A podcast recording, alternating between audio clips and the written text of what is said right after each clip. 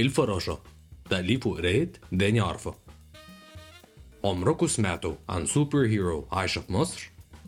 في مدينة بحرية كان في بطلة خارقة أو superhero اسمها الفراشة.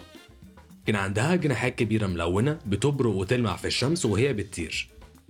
الفراشة كانت قوية وسريعة وبتطير برشاقة فوق المدينة. دايما منتبهة لو حد محتاج مساعدة أو حد بيسبب مشاكل.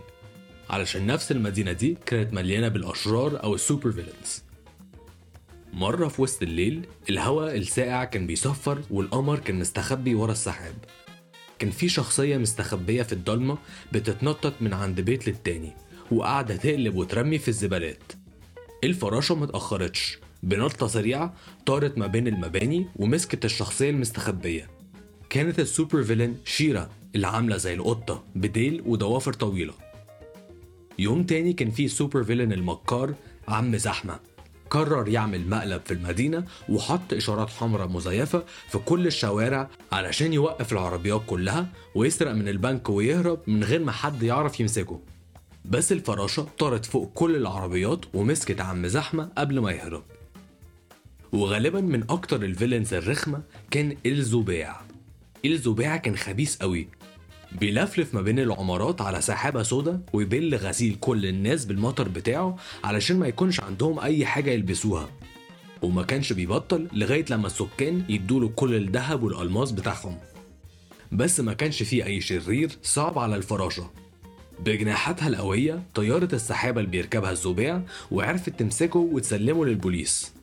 لكن كل ال villains دول ما كانوش يجوا حاجة جنب الشبورة أقوى وأخطر فيلن في المدينة.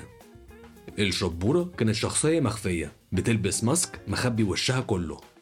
الشبورة كان عندها القدرة إنها تطلع دخان أسود ريحته بتخنق. الدخان ده كان بيملى كل شوارع المدينة ويجبر كل السكان إنهم يفضلوا جوه بيوتهم. الفراشة والشبورة حاربوا بعض كتير لكن كل ما الفراشة كانت بتمسكها كانت بتهرب تاني. يوم من الأيام الشبورة هجمت على المدينة. المدينة كلها كانت متغطية بدخان أسود. الفراشة طارت بعيد لفوق لغاية لما وصلت للسحاب ونزلت في قلب الدخان علشان تلاقي الشبورة. لقيتها قاعدة على ترابيزة جنب شط البحر. كانت هتنزل وتحاربها لكن ده اللي عملته 100 مرة قبل كده. وكانت عارفة إن الموضوع مش هيخلص علشان غالبا كانوا هيحاربوا بعض 100 مرة كمان. فقررت تعمل حاجة مختلفة. نزلت وقعدت جنبها وبدأت تتكلم معاها. قالت لها أنا الفراشة بس اسمي الحقيقي فريدة. أنت اسمك إيه؟ الشبورة شالت الماسك بتاعها. كانت ست كبيرة في السن قد جدتها. شعرها أبيض وعينيها مليانة بالذكريات. ردت عليها وقالت لها إن اسمها الحقيقي رجاء وهما الاتنين قعدوا يتكلموا. رجاء حكت إن زمان وهي صغيرة المدينة كانت هادية. ما كانش فيه زحمة والهوا كان نضيف والأيام دي كانت وحشاها. بس دلوقتي المدينة اتحولت وبقت مختلفة مليانة بالعربيات والدوشة والتلوث. وعلشان كده ألفت شخصية الشبورة علشان تنتقم من الناس اللي غيروا المدينة بتاعتها. الفراشة قعدت تسمعها وفي الآخر اقترحت لها فكرة جديدة. ممكن مع بعض يعملوا خطة علشان يرجعوا المدينة زي ما كانت زمان. وإنهم ممكن يعملوا كده بمساعدة الفيلنز التانيين. وده فعلا اللي عملوه. شيرا الفيلن اللي عاملة زي القطة ساعدتهم ينفضوا الزبالة من الشوارع. عم زحمة ساعدهم يصلحوا الشوارع ويقللوا الزحمة.